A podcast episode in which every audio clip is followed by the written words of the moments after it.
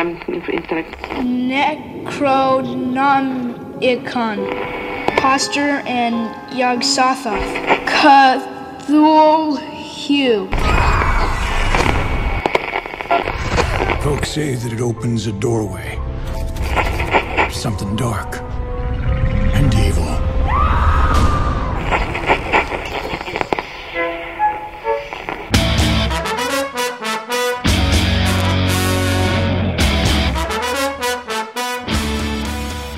Witamy serdecznie w 173 odcinku podcastu Radio SK. Dzisiaj ponownie są ze mną Szymas. Witam cię, Szymas. Cześć. I Jerry. Witam cię, Jerry. E, witam was panowie, witam słuchaczy. Listopad został zdominowany przez chłopaków. Dwa tygodnie temu z Szymasem rozmawialiśmy o rogach. Tydzień temu z Jerrym rozmawialiśmy o szkieletowej załodze, a dzisiaj y, we trzech łączymy swoje moce i będziemy rozmawiać o ekranizacjach jednego z opowiadań ze szkieletowej załogi. Już na wstępie proszę was panowie naprawdę, proszę was bardzo zwięźle, streszczajmy się. Niech to nam nie zajmie północy.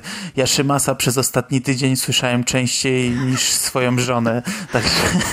Nie, myślę, że to będzie krótkie, tam wiesz, nie, nie ma za bardzo tu Tak, ta, ja, ja też myślę, że to będzie krótkie. Zawsze tak myślę przed nagraniem. Jerry, pamiętasz ostatnie nagranie? No, okej, okay, żebym nie wykrakał złą godzinę. Powiedzmy raz, że będzie długie, to może wtedy nam wyjdzie krótkie. Postaramy się. Stephen King, Szkieletowa załoga. Tytuł oryginału Skeleton Quill. Wydawca Pruszyński Spółka, rok 2008. Czyta Leszek Teleszyński. Babcia. Dobra, a będziemy mówić o opowiadaniu babcia i o filmowych wersjach opowiadania babcia. No i my z Jerem Tydzień temu powiedzieliśmy już co nieco na temat tego opowiadania, ale w ramach przypomnienia, żeby nie odsyłać do kolejnego ponadgodzinnego podcastu, w ramach przypomnienia, mnie to opowiadanie się podobało. Ja w ogóle dzisiaj będę chyba najmniej krytyczny, ponieważ yy, jakoś tak mam, że do babci, nieważne w jakiej formie podanej, podchodzę jakoś tak bardzo bezkrytycznie i, i przyjmuję wiele opcji, w jakich zaserwowano podobano mi to opowiadanie. No, pierwotna, oryginalna wersja Stephena Kinga podobała mi się. Taki sobie horrorek prosty, ale do mnie trafiał. Ja też powiem mniej więcej to, co mówiłem przy szkieletowej załodze. Troszeczkę samym opowiadaniem się zawiodłem, natomiast to chyba wynikało z tego, że po prostu ja za dużo dobrych opinii o tym tekście słyszałem przed lekturą. I przez to, że on się pojawia mm, na listach wielu osób jako jedno z najlepszych opowiadań Kinga, no to kiedy ja w końcu już do niego dotarłem, to jakoś nie powiedziałbym, że mam do niego jakieś wielkie zastrzeżenia, natomiast coś mi tam nie do końca w nim zagrało. Całkiem jakby sympatyczne, no sympatyczne to może nie najlepsze słowo w kontekście tego opowiadania, ale całkiem sprawna historia. Natomiast no, bez jakiegoś wielkiego szału z mojej strony. Ja opowiadania nie pamiętałem. Teraz, gdy oglądałem Mercy, przypomniałem je sobie dopiero po seansie. I szczerze mówiąc, no to opowiadanie, czyta się je dobrze, tak? Jest takim fajnym, krótkim straszakiem, fajną, krótką opowieścią, ale właśnie jakieś opowieści, skrypty, strefa mroku i tak dalej. Ale też, no, nie ma w nim nic więcej, tak? Taka sobie prosta historyjka. No i zanim przejdziemy do filmów, to w dwóch zdaniach, tak jak powiedział Szymas, prosta historia mm, chłopca, który opiekuje się babcią, babcia jest jakoś e, dziwnie chora i w trakcie opowiadania poznajemy historię babci, która e, na pewnym etapie swojego życia e, zaczęła mm, interesować się różnymi księgami zakazanymi i, i mieszać w siłach niekoniecznie mm, przyjaznych. No i tutaj wchodzą nawiązania do Lovecrafta, Historia jednego wieczoru, podczas którego wnuczek opiekuje się babcią, która ma względem niego dość negatywne y, zamiary. I to w zasadzie wszystko. Tak jak powiedział Szymas, prosta historyjka, która klimatem pasuje właśnie do, do różnych opowieści niesamowitych, do, do jakiejś opowieści skrypty, czy właśnie do strefy mroku, w której y, została zekranizowana po raz pierwszy.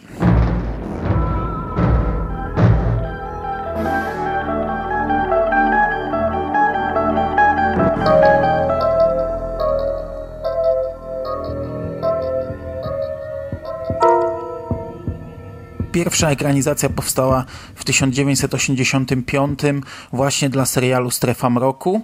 To była druga odsłona tego serialu. Oryginalny serial był nadawany pod koniec lat 50. i na początku 60. W latach 80. to było drugie podejście do serialu. Babcia jest krótkim, 20-minutowym segmentem. To jest y, teoretycznie 44 segment w tym serialu. Tak naprawdę jest to 18 odcinek, ponieważ te odcinki składały się właśnie z kilku segmentów. No i wszyscy się zgadzaliśmy, bo my też o tym mówiliśmy przed tygodniem, że właśnie opowiadanie jest w zasadzie stworzone do, do takiej antologii filmowej, właśnie do tego typu e, serialu, do takiej ekranizacji. Czy się sprawdziło według Was? Według mnie całkiem nieźle, chociaż tam mam drobne zastrzeżenia, bo w sumie nawet próbowałem sobie mm, przekartkować opowiadanie jeszcze po y, jakby tej, tej wersji ze strefy mroku, bo trochę raziło mnie, że tam się pojawia Necronomicon, czego tak jak mi się wydawało i chyba po sprawdzeniu mogę powiedzieć, że chyba na 100% tak było, że ta księga się nie pojawiała w oryginalnym opowiadaniu.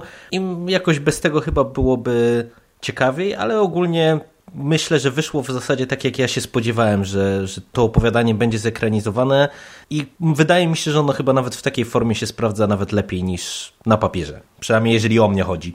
Ja dzisiaj w internecie czytałem jedną recenzję i w komentarzach właśnie ludzie o tym pisali, że King tak otwarcie nie pisał, że to jest Necronomicon, że to właśnie w tej pierwszej ekranizacji było dość otwarcie powiedziane i tam też się Cthulhu pojawia, u Kinga w opowiadaniu oczywiście jednoznacznie wiadomo, że są to nawiązania Lovecraftowskie, ale Necronomicon jako taki się z samej nazwy nie zostaje wymieniony. Necronomicon. The incunabula of the mad Arab Abdul al-Hazred. What's this stuff mean? The Return of the Great Old Ones, Hoster and Yog-Sothoth, Frightful Sleeper in the Deep, Cthulhu, What a dumb name for something. I can't read this stuff. It must be in some super secret ancient language, Arab or French or like that. To może po kolei. Pierwsza sprawa, ekranizacja ta pierwsza podobała mi się i jeszcze, żeby nie wyszło, bo ja powiedziałem, że to jest taka prosta historyjka i tak dalej, bez rewelacji, ale właśnie jako to, czym jest, to mi się podobała. I to, co mi się też bardzo podobało, to perspektywa. Ukazanie tej historii z perspektywy dziecka i absurdalne przemyślenia na temat tego, co się dzieje, właśnie taki absurdalny lęk, w pierwszej chwili to może odrobinę razić, gdy się to ogląda, mając już te dwadzieścia kilka, sześć kilka i tak dalej lat, ale jednak no naprawdę jest w tym coś autentycznego, bo pomyślmy sobie o tych chwilach, gdy, nie wiem, baliśmy się wejść do jakiegoś ciemnego lasu, czy, nie wiem, baliśmy się wstać wieczorem do toalety po ciemku i sobie właśnie staraliśmy to racjonalizować, rozmyślać na ten temat czy tam coś się może czaić, czy nie. Tutaj mamy właśnie to tylko w kontekście tej chorej babci, w tym opowiadaniu i też tej ekranizacji. I ja to kupiłem w stu procentach. To nie jest właśnie nic rewolucyjnego, ale w tej formie to jest coś naprawdę bardzo fajnego i polecam wszystkim.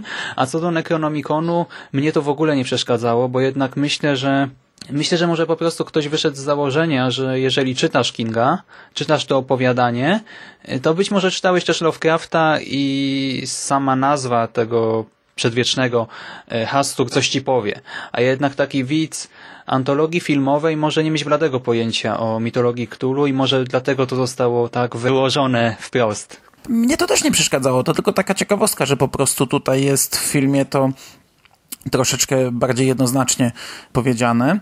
Ale to, co ty mówisz, y, ta perspektywa dziecka, w opowiadaniu ok, ale w filmie tak troszeczkę, akurat ta część y, no nie do końca do mnie trafiała. Tutaj w roli głównej występuje taka chyba gwiazdka ówczesnego kina, ponieważ on rok wcześniej wcielił się w rolę Bastiona w e, niekończącej się opowieści, czyli w hicie lat 80. I jakoś tak, jak on te swoje absurdalne dziecięce lęki były przedstawione jako przemyślenia w jego głowie, to tak nie do końca do mnie trafiało. Ale ja nie jestem na nie tak jak powiedziałem, ja dzisiaj będę bardzo otwarty na te wszystkie wersje babci, jakie zaserwowali nam twórcy. To, co mogło się nie podobać w tej ekranizacji, to końcówka, gdzie naprawdę twórcy tak w bardzo oczywisty sposób pokazali tego potwora i poszli w takim kierunku przerysowanego, gumowego potwora. Tutaj babcie zresztą gra facet. Jest tak ucharakteryzowany, że to nawet nie robi różnicy, czy to jest kobieta, czy mężczyzna, ponieważ ma na sobie tony gumy, lateksu i plastiku i, i niektórych ta część odrzuca. Ona jest bardzo króciutka, ale całkowicie wpływa na, na odbiór jednak tej krótkiej nowelki. To dla mnie no, po prostu troszeczkę inne podejście. Taki horror też lubię i jeżeli chodzi o mnie, no kompletnie jakoś negatywnie nie wpłynęło to na odbiór tej nowelki.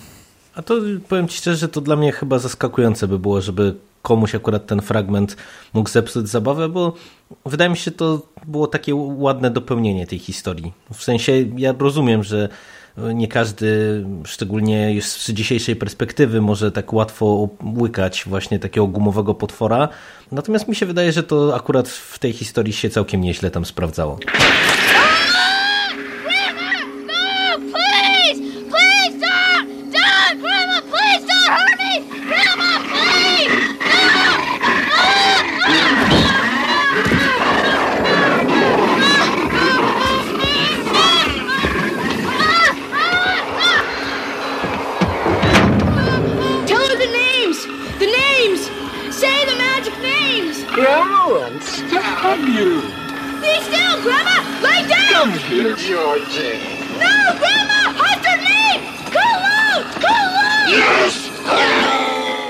To, co ja też wspomniałem wcześniej, na przykład o tym Necronomikonie, to, to wiecie, to nie chodzi o to nawet, że to jest jakoś bardzo złe z punktu widzenia jakby mojego, że twórcy to tam władowali, natomiast zasadniczo nie jestem w ogóle fanem takiego wciskania Lovecrafta na siłę yy, widzą do gardła, bo ja, trochę wychodzę z założenia, że jeżeli ktoś jakoś tam jest zorientowany, to lżejszego kalibru smaczki e, też wyhaczy, a jeżeli ktoś jest niezorientowany, to na przykład w tej historii to też było tak poprowadzone w kierunku tego, że ta babcia jest wiedźmą e, i tak na dobrą sprawę, no wydaje mi się, że to nie, nie było specjalnie potrzebne akurat, żeby walić po oczach Necronomikonem, bo, bo i tak było wiadomo przed tym nawet jak młody znalazł tą księgę, no, no że babcia jest tą wiedźmą i, i jakoś tam no, mówię, troszeczkę to niepotrzebne, natomiast mówię, dla mnie akurat ten ostatni segment jak najbardziej okej.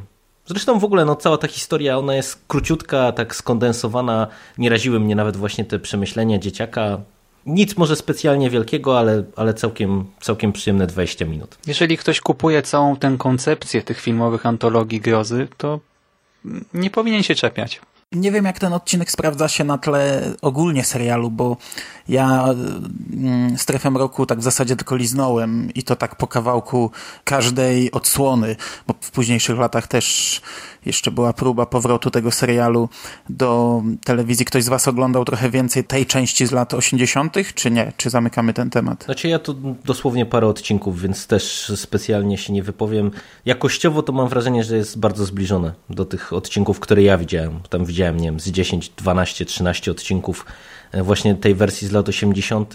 Paradoksalnie tej starszej wersji widziałem tam trochę więcej, ale, ale mówię, ta, ta wersja z lat 80. to wydaje mi się, że tutaj akurat babcia bardzo zbliżona poziomem ja próbowałem nadrabiać różne te antologie, czy Boisz ciemności, opowieści, skrypty, strefę mroku, e, no wszystkie te no, inne. No, tak? tego było. I szczerze mówiąc, ja czasami, gdybym nie miał intro, to bym nie wiedział, które jest które, więc dla mnie większość tych opowiadań, czy tych e, adaptacji, czy autorskich też E, segmentów no jest stworzona na jedną modłę, tak? Po prostu w zależności od tego, czy ma bardziej straszyć, czy szokować, czy brzydzić, to tam są drobne różnice. Jest mniej gumy, więcej gumy, więcej jumpscaresów, mniej jumpscaresów, ale ogólnie to moim zdaniem się to nie wyróżnia jakoś szczególnie. Jest właśnie wpisane w koncepcję. Ale to tak jest, to tak jest, no bo w latach 50., 60. powstały ze dwa takie seriale i od tej pory wszystko, co powstaje, to są albo kolejne odsłony tych seriali, albo seriale bardzo mocno, bardzo silnie nawiązujące do nich i, i otwarcie wzorujące się na nich. Tego nikt nie ukrywa, nie? że jeżeli powstaje tego typu serial, to że wzorują się na strefie mroku. Także, także to tak jest. No. No ciężko było chyba w ogóle uniknąć jakichś tam porównań, no bo umówmy się, że to jest chyba taka żelazna klasyka i żelazny kanon, więc mniej lub bardziej świadomie to chyba każdy do tego nawiązuje. Dobra, i tak na zakończenie jeszcze taka ciekawostka. Dzisiaj sobie przeglądałem obsadę i w tym segmencie gra w sumie trzech aktorów i matka, która pojawia się tylko przez kilka sekund, grała też matkę głównego bohatera w cmentarzu dla zwierzaków 2, czyli jest taką kingową matką, pomimo, że tam też zagrała tylko epizod.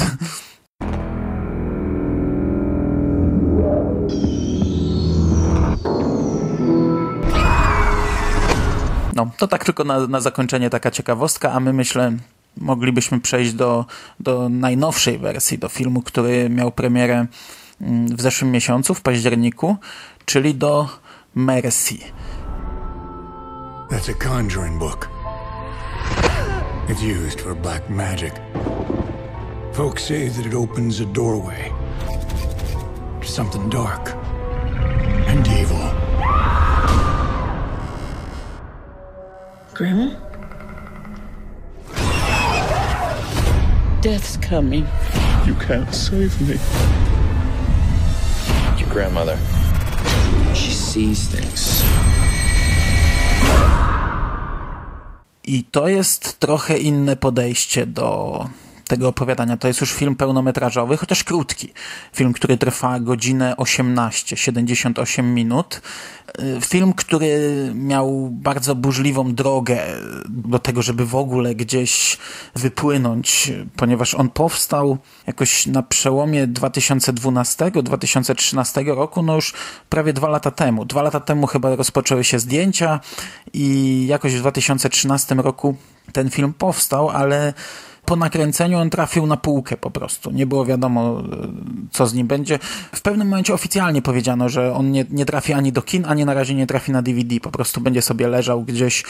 I teraz niedawno, przed październikiem, to w zasadzie chwilę przed, ten film nagle pojawiła się informacja, że film będzie miał premierę najpierw VOD, a potem, a potem DVD. Dobra, i to tyle, jeżeli chodzi o historię. Przejdźmy do, do samego filmu. Your grandma, she's in pretty bad shape. The nursing home won't take care of her. She's gonna need us close, okay?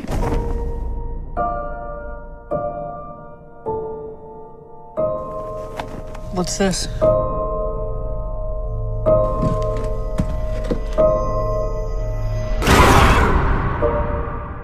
Po pierwsze, o czym ja mówiłem przed kilkoma tygodniami we wiadomościach z Martwej Strefy. Zadziwiające, że film nie jest w ogóle reklamowany nazwiskiem Kinga. Nazwisko Kinga nie pojawiło się ani w trailerze, ani na plakacie, natomiast jest reklamowany jakimiś tam znanymi tytułami horrorów, czyli ulubionym przez Jerego Paranormal Activity i Czystką. Do tego dochodzą takie tam gdzieś tam poboczne informacje, że reżyserem jest twórca między innymi Udręczonych, a scenarzystą jest twórca 1408. I to są takie dość oczywiste dla mnie porównania, ponieważ e, ten film no jest takim pierwszym od dość dawna horrorem na podstawie Stephena Kinga. Ja się czułem dziwnie oglądając ten film, przy czym dziwnie pozytywnie, ponieważ naprawdę ostatnimi czasy ekranizacje Kinga to są... starają się odchodzić od tych horrorów. To jest pierwszy horror od czasów 1408, ale znaczy pierwszy taki horror pełną gębą, ale tak naprawdę ja jak to oglądałem, to w ogóle czułem się jakbym się przeniósł dużo, dużo dalej. Chociaż jest to straszak taki właśnie typowy, jak dostajemy w tym momencie straszaki, ale już się za mocno rozgadałem. Może ktoś z was e, chce w kilku zdaniach chociaż powiedzieć e, na początek, czy się podobało, czy się nie podobało. Znaczy ogólnie ja bym zaczął też od tego, że to jest zupełnie inna ekranizacja, tu po pierwsze, wiadomo, teoretycznie to jest oczywiste, że trzeba było rozbudować tę fabułę, ale z drugiej strony mieliśmy dobrane małżeństwo, w którym wcale tak wiele nie dodano, tylko bardziej rozciągnięto to wszystko. Tutaj strasznie to rozbudowano. Mamy, teoretycznie to jest historia samotnej kobiety, która z dwoma synami przyjeżdża do domu swojej schorowanej matki, by zaopiekować się nią kresu jej życia, ale ta nasza starsza pani, tytułowa Mercy, no powiedzmy, że skrywa ten swój mroczny sekret, zaczynają się dziwne rzeczy, i poznajemy właśnie cały origin story tej kobiety i też wnuka, który tutaj ponownie odgrywa ważną rolę i robi się coraz bardziej tajemniczo, coraz dziwaczniej. Ale uściślimy, to nie są takie rozbudowania na zasadzie rozbudowań w podkopułą, tylko to są wszystko takie dość silnie zakorzenione w opowiadaniu. To ja się zgadzam, że ta historia jest całkowicie rozbudowana, jest dodany wielki wstęp, są dodani bohaterowie, ale to wszystko jakoś tak no, nie wypacza tego, co, co mieliśmy w opowiadaniu. Nie? Po prostu dość mocno to rozbudowuje. Znaczy nie wypacza, ale moim zdaniem to jest jednak pod wieloma względami nowa historia, bo jednak mamy tyle nowych wątków, mamy trochę inną tę księgę, mamy y, dodatkowego demona powiedzmy, mamy cały ten wątek y, wszystkich pozostałych bohaterów, każdy wątek jest napisany praktycznie od nowa, jest osobną historią, czasem to jest jakaś klisza z horroru, czasem nie. I dodali tego tyle, że tak naprawdę ciężko tutaj mówić o tym, że to jest takie, że to jest to opowiadanie Kinga w tym. Ono zostało wykorzystane, ono jest bazą, ale jest tyle nowych rzeczy, że dla mnie to już jest jednak twór taki jednak autonomiczny po części. Ja się zgadzam, natomiast wam powiem szczerze, że dla mnie to było zaskakujące przyjemne doświadczenie obcowanie z tym filmem, dlatego że w sumie miałem dość nisko poprzeczkę ustawioną, bo jakoś sama ta droga właśnie taka wyboista, która była przed tym filmem, nie wróżyło to można powiedzieć dobrze, no bo jeżeli by ktokolwiek wierzył w to, że ta historia ma potencjał, żeby się sprzedać i jakoś zaistnieć, to podejrzewam, że nie trafiłaby właśnie prosto na DVD, tylko dostalibyśmy jakąś tam wersję ogólnodostępną w kinach. I nie wiem, czy to właśnie przez te takie niskie oczekiwania, ale ja bawiłem się dobrze, momentami nawet bardzo dobrze. I mimo tam zastrzeżeń, które mam jakoś momentami do, do tego filmu, to te rozbudowania, które e, twórcy sobie wprowadzili, one faktycznie troszeczkę jakby zmieniają akcenty, dopowiadają różne rzeczy, które w tym pierwotnym opowiadaniu były tylko gdzieś tam zasygnalizowane, ale to wszystko jest całkiem sprawnie poprowadzone, mi się wydaje. Znaczy tak, tak. E, nie żeby było, że mi się nie podobało, podobało mi się. I to właśnie też dziwnie bardzo mi się podobało. Nie miałem również żadnych oczekiwań, bo po pierwsze e, starałem się nie, nie, informować na ten temat, a po drugie też nie było za wiele tych informacji. Nie wiem, trailer wyszedł jakoś strasznie późno. Zobaczyłem to wszystko się bardzo późno pojawiło. Po w ogóle filmie. My My do końca się obawialiśmy, że ten film nie będzie miał plakatu nawet. Przed samą premierą pojawiła się taka malutka graficzka, a plakat w większej rozdzielczości to w ogóle się nie pojawiał. O tym filmie prawie żadnych informacji nie było I, i, ja już, sorry, że ci się wciąłem, ale podobnie jak wy, też oczekiwania dość mocno poszły w dół, z tym, że ja na ten film czekałem bardzo, bo, bo przypuszczałem, że się właśnie będę na nim dobrze bawił, czyli teoretycznie poszły oczekiwania w dół, teoretycznie wiedziałem, że to będzie bardzo kiepski horror, ale był to chyba najbardziej oczekiwany przeze mnie film w październiku. Ja właśnie nie miałem niskich oczekiwań, tylko nie miałem żadnych, w sensie nie miałem dlatego pojęcia, co to będzie, nie pamiętałem opowiadania i podszedłem do tego jeszcze nawet bardziej na czysto w cudzysłowie niż do dobranego małżeństwa, bo tam znałem plakat, z którego wynikało kto jest tym złym, kto jest tym dobrym, a tutaj po prostu nie miałem bladego pojęcia co to będzie i zaskoczyłem się in plus.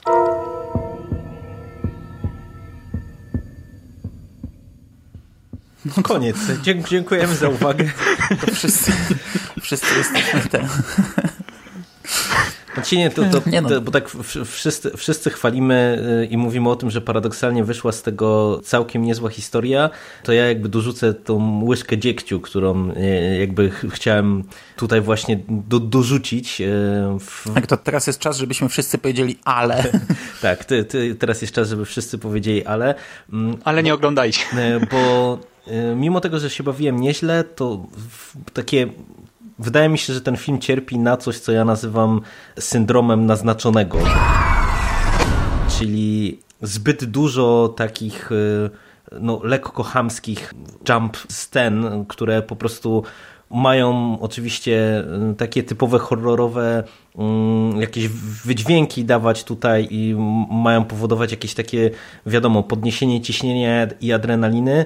Natomiast y, tak jak właśnie taka technika powodowała, że naznaczony, ogólnie chwalony momentami mnie dosyć mocno irytował, tak mam wrażenie, że tutaj też trochę tego było momentami za dużo i zupełnie niepotrzebnie, bo, bo przecież ta pierwsza połowa, czy ta, ta taka długa ekspozycja pierwsza, która nie wiem, serwuje nam jakiś właśnie taki origin story tej tytułowej Mercy i jakby naświetla wszystkie te wątki poboczne, to naprawdę wypadało bardzo fajnie i od któregoś momentu chyba troszeczkę twórcy przedobrzyli idąc w kierunku takiego właśnie bardzo bardzo niszow, no, niszowego, niskich lotów horroru, o, to, to chciałem powiedzieć, czyli, czyli wiecie, właśnie takie zamiast subtelnej grozy, jakiś tam takiego budowania napięcia, no to zaczęli iść w takim kierunku, a to teraz was nastraszymy łupnięciem muzyki i, i trzaśnięciem drzwiami.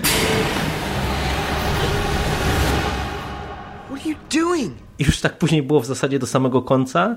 I mimo, że to oczywiście ma swoje zalety i ma swoje plusy, to mówię, gdyby było tego mniej i gdyby troszeczkę bardziej to wszystko stonowano i, i podtrzymano klimat z tej pierwszej połowy, to mam wrażenie, że w ogóle temu filmowi by to wyszło na dobre i to byłaby jeszcze lepsza i jeszcze ciekawsza produkcja.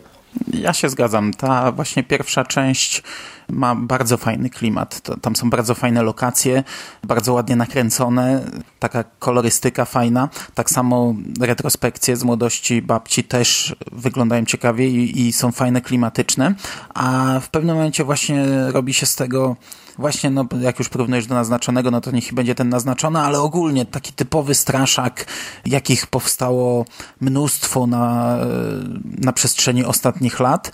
Przy czym tutaj, tak jak niektóre straszaki czymś się tam wybijały, to tutaj są to po prostu różne klisze i ta część horrorowa nie uważam, żeby tutaj jakoś czymś się wybiła specjalnym. Gdybym miał coś takiego najbardziej na minus, to dla mnie chyba ten cały wilk dziwaczny. Ja bym całkowicie usunął chyba wszystkie sceny, w których pojawia się ten demon w postaci wilka i nic innego wizualnie mi w tym filmie nie przeszkadzało.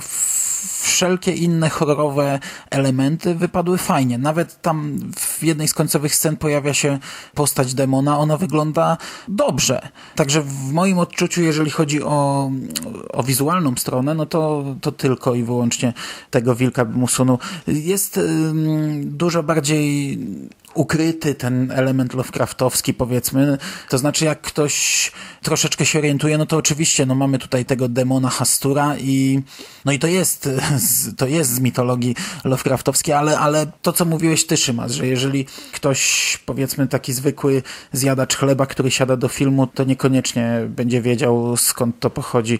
Nie walą nam po oczach Necronomiconem i, i Cthulhu, nie? No i teraz właśnie po kolei, bo mam właśnie kilka uwag do wielu rzeczy, które padły. Więc tak, pierwsza Teraz sprawa... zaczyna ten moment, że moglibyśmy skończyć po 30 minutach, ale... ale Szymas dopatrzył się jakiegoś... Nie, dobra. No dobra, dobra, sorry, przerwałem, mów. Więc teraz tak, po kolei zgadzam się, że pierwsza połowa wypada trochę lepiej, ale nie spodziewałem się tego, że będę tego bronił, ale druga połowa wcale nie jest złym straszakiem. Moim zdaniem po pierwsze to jest normalne, że druga część filmu grozy zazwyczaj bardziej bazuje na jumpscaresach i tego typu rzeczach, bo po prostu no ile można poświęcać czasu ekspozycji i tak dalej. Druga sprawa, ja nie pamiętam szczerze mówiąc tak wielu jumpscaresów. Może były tam, może nawet było ich za dużo, ale jedyne, które ja pamiętam to ten pierwszy taki mocny z rękoma spod pościeli, przy którym podskoczyłem przed lapkiem i e, krzyknęło mi się, a te późniejsze, no wiadomo, mamy demona, jakąś ucieczkę przed nim, coś tam musi trzasnąć, ale mnie to w ogóle nie przeszkadzało. Druga sprawa, wątek Lovecrafta, moim zdaniem on był poprowadzony genialnie, dlatego że właśnie tutaj był takim smaczkiem. Bo nie wiem, czy zauważyliście, ale nawet sam fakt, że Hastur jest tym przedwiecznym, którego imienia nie wolno wypowiedzieć, że to jest gdzieś tam w fabule powiedziane wprost, tak? Nie wolno wymawiać jego imienia i tak dalej. Więc jeżeli ktoś kojarzy jakoś tę postać, to może się uśmiechnąć, a fajnie, wyłapałem to, to tutaj jest, yy, spoko.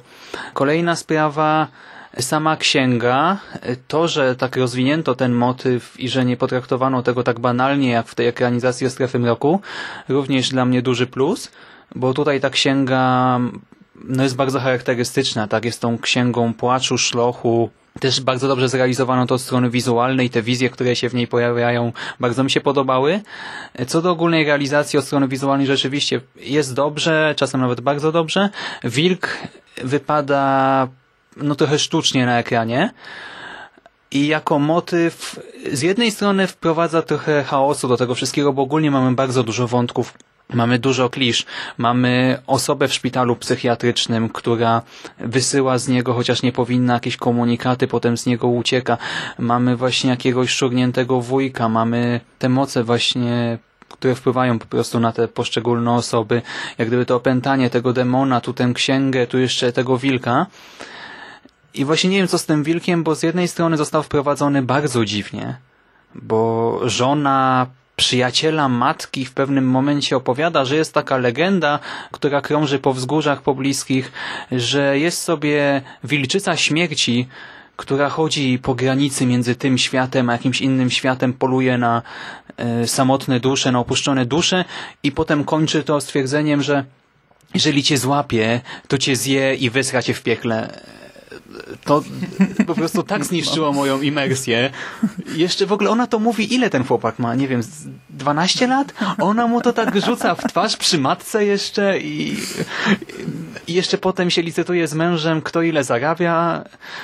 Dziwnie to wprowadzili. Moim zdaniem, gdyby to zrobili bardziej poważnie, to mógłby być to też fajny motyw, bo jednak taki spoiler, ten wilk nie jest tym, czym się wydaje, tak? Na końcu się okazuje, że stoi jednak po innej stronie i to na przykład był duży plus, plus, plus, plus. I kolejną fajną rzeczą był wątek tej wyimaginowanej przyjaciółki, której też samość poznajemy na sam koniec. Może to właśnie rozwinięcie tego wątku nie do końca mi podpadło, ale sama obecność tej dziewczyny w kilku scenach również świetna sprawa. I tak chwalę, chwalę, chwalę. Dla mnie jedynym problemem było znaczy były trzy problemy. Pierwszy to absurdalne zachowanie niektórych bohaterów. Właśnie wujek, który pokazuje rodzinie Fakersa no, to e, na start. Sanitariusz, który e, no wprost daje do zrozumienia, nie będę się opiekował twoją matką, bo jest opętana. I po prostu rzucam ci pieluchy i uciekam. I ta żona Jima, przyjaciela matki, właśnie chociażby z tym wilkiem, który no, wysracie w piekle.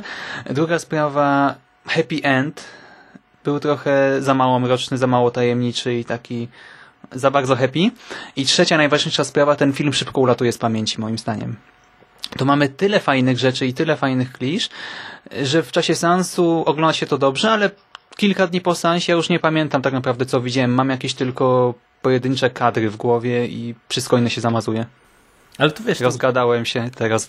Znaczy to, to, to, co mówisz, że on tak zaczyna od końca, to, że on tak szybko ulatuje z pamięci, to wydaje mi się, że to nie jest nic specjalnie złego, no bo twórcy chyba celowali po prostu właśnie w porządną rozrywkę i przez tę godzinę tam 20 tą porządną rozrywkę dostarczają, a no, no nie musisz takich filmów, wydaje mi się, pamiętać. Nie, to nie o to tutaj chodziło.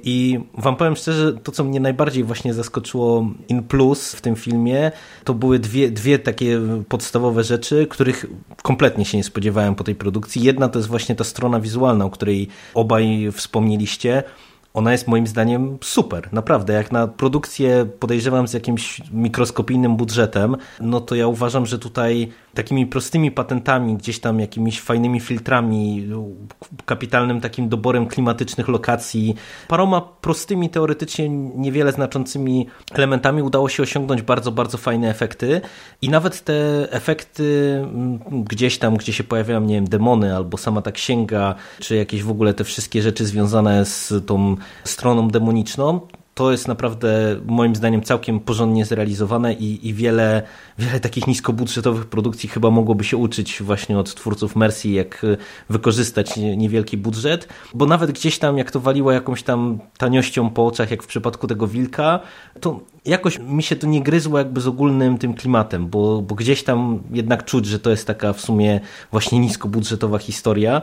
I druga kwestia to są właśnie te rozwiązania fabularne, o których wspomniałem, że te wątki no moim zdaniem są fajnie poprowadzone. Ja powiem Ci szczerze, Szyma, że ja nawet tak nie odczułem tego, że no, nie wiem, jakieś tam się dziwnie postacie zachowują, czy, czy tam właśnie ta historia z wilkiem, żeby mnie jakoś to zabodło, bo y, nie wiem, czy zwróciliście uwagę, ale przecież na przykład ta historia z wilkiem opowiedziana przez tam żonę właśnie tego przyjaciela, tej matki, ona o tyle jakby nabiera jakiegoś dodatkowego znaczenia, że to, że ta legenda dla niej jest jakoś tam istotna, no to widać chociażby w tych obrazach, nie? że przecież w momencie, kiedy, czy do momentu, do, dopóki ona nie opowiada tej, tej historii, to tak do końca nie wiadomo o co chodzi, że ona maluje właśnie jakieś takie dziwne, dziwne postacie.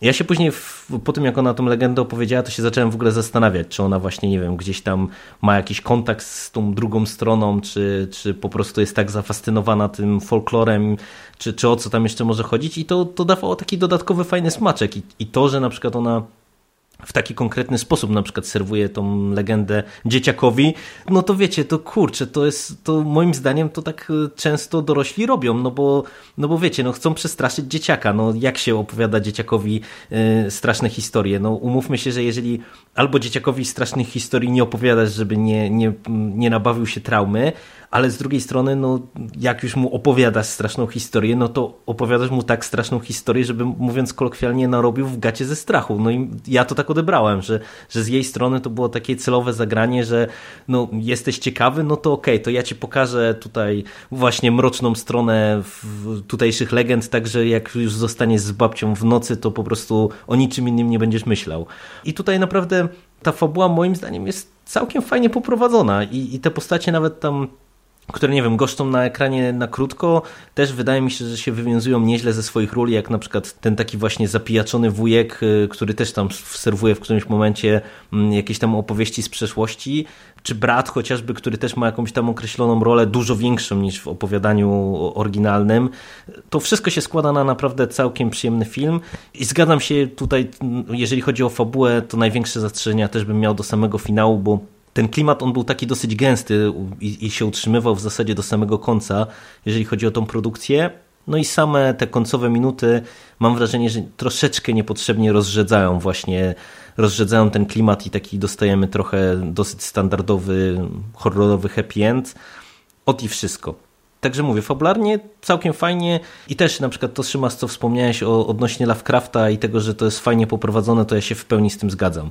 Bo tak już zupełnie na marginesie, to właśnie ja po y, seansie Mercy to sobie tak uświadomiłem, że jest jedna rzecz, która mnie w takim przeniknięciu Lovecrafta do popkultury strasznie y, zaczyna mierzić, że niektórzy twórcy wykorzystują Lovecrafta i, i Wielkich Przedwiecznych jako takie zwykłe demony, a przecież z tego na tyle, na ile ja tam jest, się orientuję i, i, oczywiście może ktoś mnie poprawi, ale ja pamiętam, że właśnie ci wielcy przedwieczni, oni byli takimi bardziej no, bogami. To, to nie były takie sobie zwykłe demony, które można przywołać, które coś ci dadzą, bo się bo poprosisz, ale to nie były jakieś tam istoty, które tak jak nie wiem, demony chociażby z takiego mm, jakiegoś y, chrześcijańskiego porządku, czyli jakieś tam diabły, biesy i inne tego rodzaju istoty, które gdzieś tam właśnie przenikają ze swojego świata do naszego, żeby coś tam sobie zamęcić. Nie no, wielcy przedwieczni, mówiąc kolokwialnie, mieli ludzkość w dupie i, i, i to było też takie przerażające, że oni po prostu gdzieś tam czekają uśpieni, a jak się obudzą, to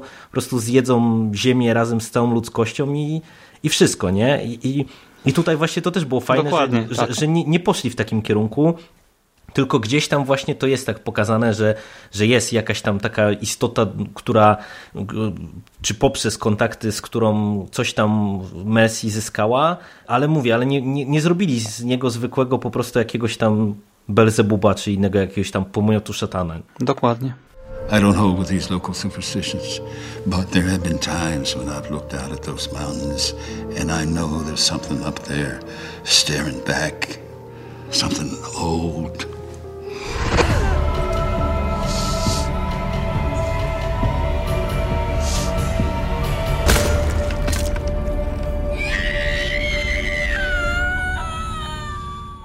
No ja właśnie, ja właśnie tak dochodzę do wniosku, że już chyba że ja już więcej nie mam nic do dodania.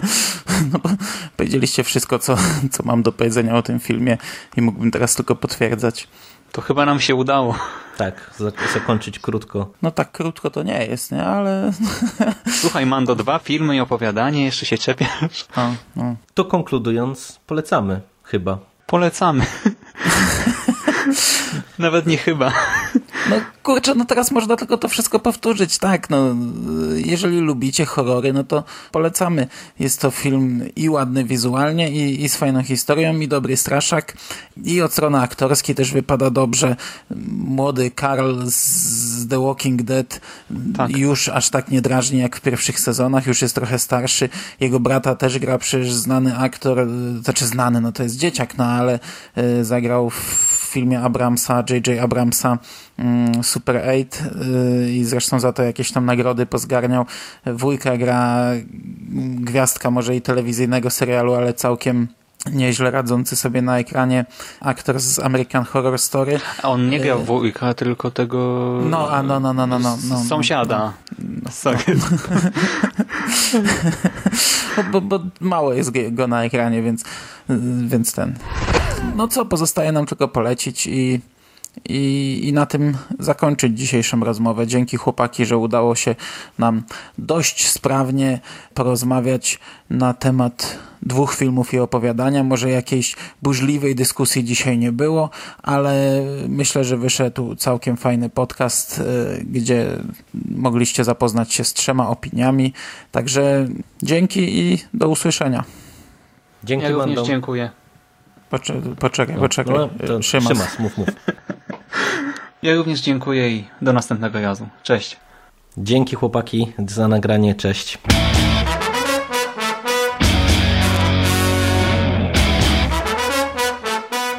A już za tydzień w następnym odcinku radia Stephen King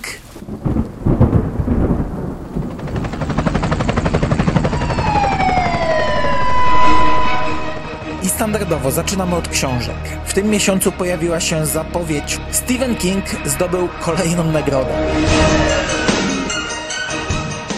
A filmy zaczynamy od dość, no, dziwnej informacji. Kończymy blok wydarzeń książkowych, a blok komiksowy